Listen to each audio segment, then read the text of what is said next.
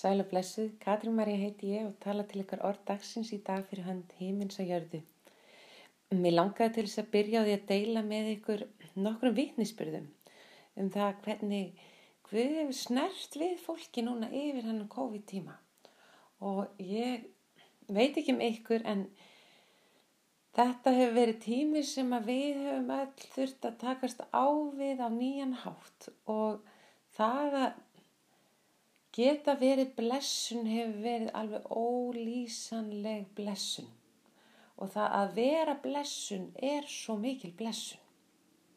Og mér langaði til þess að bara deila með ykkur þessum bara stuttu vitnisspyrðum ykkur til uppörfunar um það hvaða er mikil blessun að fá að vera blessun.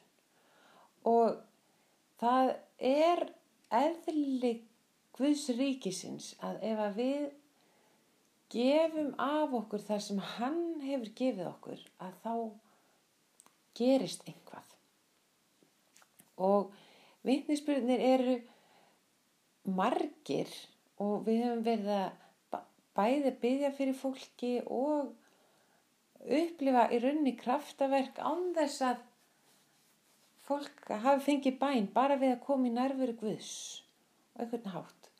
Og, og þeir sem að hafi kannski verið í einangrun eða sókví viti hvað það er mikil svirði að fá bara símtal eða fá að vita að einhver er að hugsa til hvers annars. Og það er það sem í rauninni þessi tími sínir okkur. Það er hvað við þurfum mikið á hvort öðru að halda og hvað það skiptir miklu máli að vera í samskiptum og vera í sam, eiga samneiti með hvort öðru, eiga samfélag við hvort annað.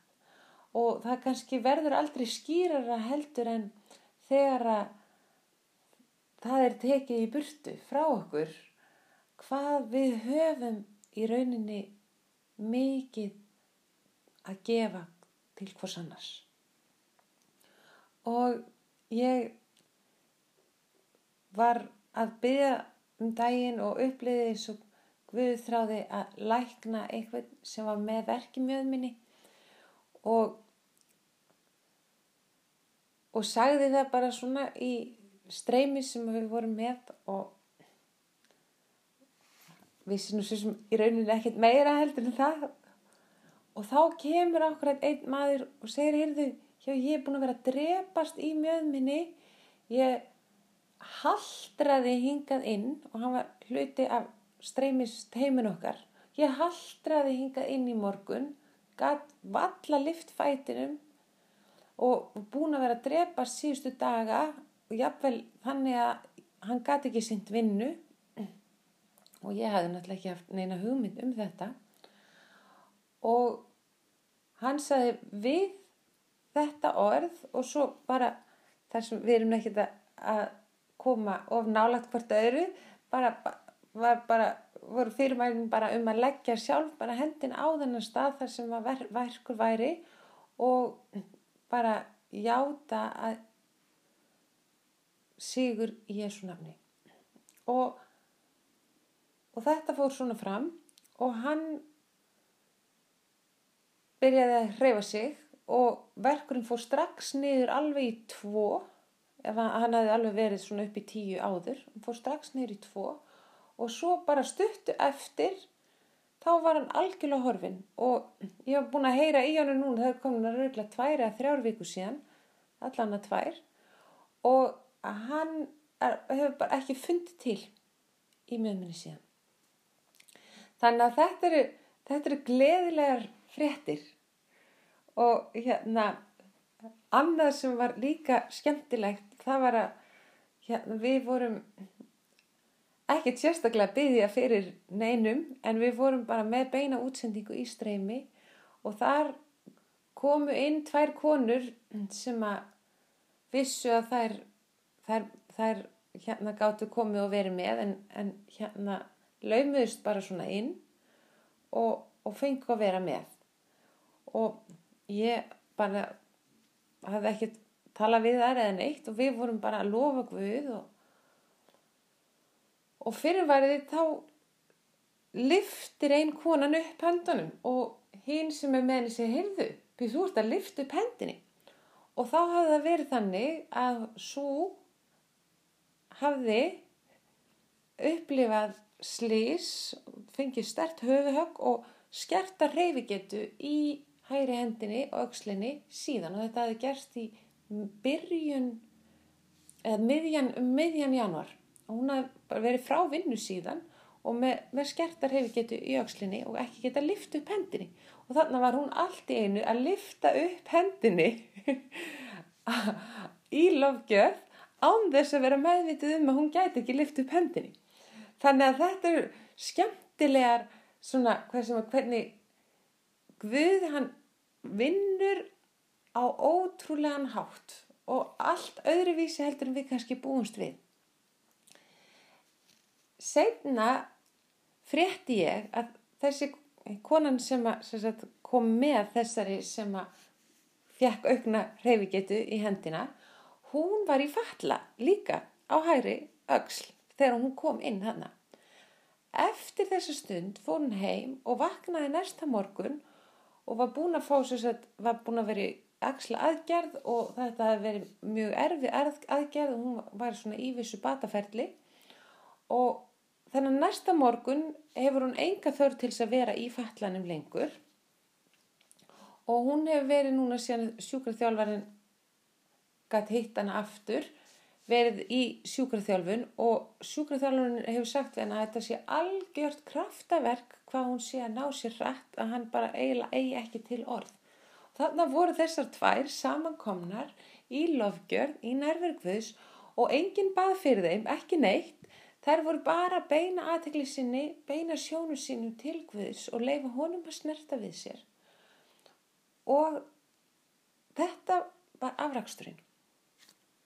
Og þessu samengi langar mig til að lesa fyrir okkur úr Jésaja 32, versi 15 og þar segir Þegar anda af hæðum verður útelt yfir oss og eðimörkin verður að aldingarði og aldingarðurinn tels skóur mun réttvísin setjast að í eigðimörkinni og réttlætið búa í aldingarðinum. Ég langar að, langar að stoppa hérna aðeins og segja þegar andaf hæðum verður útælt yfir oss. Þannig er ég segja mörg hundru, 600 árum fyrir Krist að spá fyrir um útællingu heilas anda sem við höldum upp á yfir kvítasununa og þetta er það sem að Jésús lofar lærisveininu sínum áður en hann stýgur upp til himna og segir getum lesið um það í Lúkasagvíspelli 2004. kabla vers 49 Ég sendi ykkur andan sem faðið minn hétt ykkur en verið kyrr í borginni unstir íklæðis krafti af hæðum. Þetta er tilveitnin um það sem gerist svo í postulasögunni öðrum kabla þegar að Lærisveinarnir eru að býða eftir að heilugum anda verði útælt yfir. Já, þeir vita ekki hvers þeir eru að vænta og á þessum tíma var í rauninni Guðs fólk, Ísraels menn búin að upplifa svakala mikla erfileika og mikla auðun. Og við getum tekið þetta til okkar í dag. Við höfum upplifað erfileika aðstæður sem að við höfum ekki upplifað að þurft að takast á við áður og þetta eru aðstæður sem að gera það verkum að, við þurfum að hugsa hlutina kannski aðeins upp á nýtt og ég upplifi eins og eigðimörkar í rauninni staðu þar sem að líf er ekki til, þar sem er ekki neitt vatn, það er engin stefna, það er bara of mikil sól. Í okkar tilfellum er það óvisa það er stöðnun á öllu samfélaginu ekkert líf í samfélaginu. Við stöndum bara á einhvers, einhvers konar frjálsu falli um að vita ekki hvert stefnan er og þessar aðstöður sem að þeir upplöðu þar komið með vonar bóðskap þar sem ég segi spáir um að eigðimörkin verður að aldin gardi og aldin gardur er í rauninni þar sem allt þrýfst. Það eru kjör aðstæður fyrir líf. Hittastig, raki, plönturna þrýfast. Á þessum tímum höfum við ekki haft kjör aðstæður fyrir líf. Ég held við getum öll verið sammál um það. En ef að eigðmörkin verður að aldingarði og aldingarðurinn telst skóur og skóur er náttúrulega bara það mikið að þú týnist í rauninni í honum. Það verður svo fullur að það er algjörlega stórt svæði og svo kemur aldingarðurinn verður Nei, ávöxtur réttlætisins verður friður og afrakstur réttlætisins kvild og öryggi um eilíð. Það er ekki gott að búa í eðimörk. Það er ekki hægt í raunin að búa í eðimörk. En arabarnir hafa reynda í langan tíma. En hér getum við líka talað um innri eðimörk þar sem við höfum verið einangruð, ekki fengið að njóta góðs af því lífi sem samfélagið hefur upp á bjóða. Andlega séð höfum við aðgang í gegnum Jésu Krist að aldingarði. Þessi aldingarður, hann einkennist af því að við fáum andlega rými til þess að vaksa og dapna og líða vel. Þetta andlega rými skapast við kjör aðstæðir og kjör aðstæðinar eru Guðs ríkið.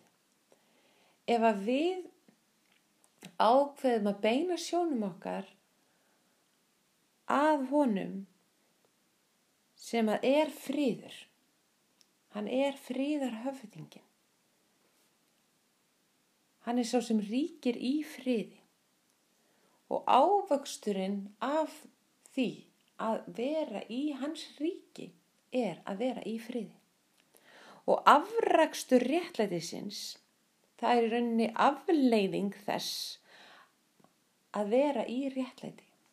Jésús Kristur, hann hefur gert okkur réttlátt og í gegnum hann erum við réttlátt og fáum að eiga réttlæti í honum. Aflegging eða afrækstur réttlætisins er kvild og öryggi um eilið. Í þessu ríki sem að Jésús talaði um fáum við kvild og öryggi um eilið. Og mér langar að skilja þessi orð eftir með ykkur í dag og játa yfir ykkur að Guðs ríkið það er innan seilingar og við höfum öll aðgang að því og getum leift Guð að snúa eðimörkin okkar yfir í aldingar með því að leifa honum að ríkja yfir okkur í réttvísinni og leift réttlætinu að búa í lífum okkar. Og við það fáum við frið kvíld og öryggi. Takk fyrir að lefa mér að deila þessu með ykkur. Guð bless ykkur.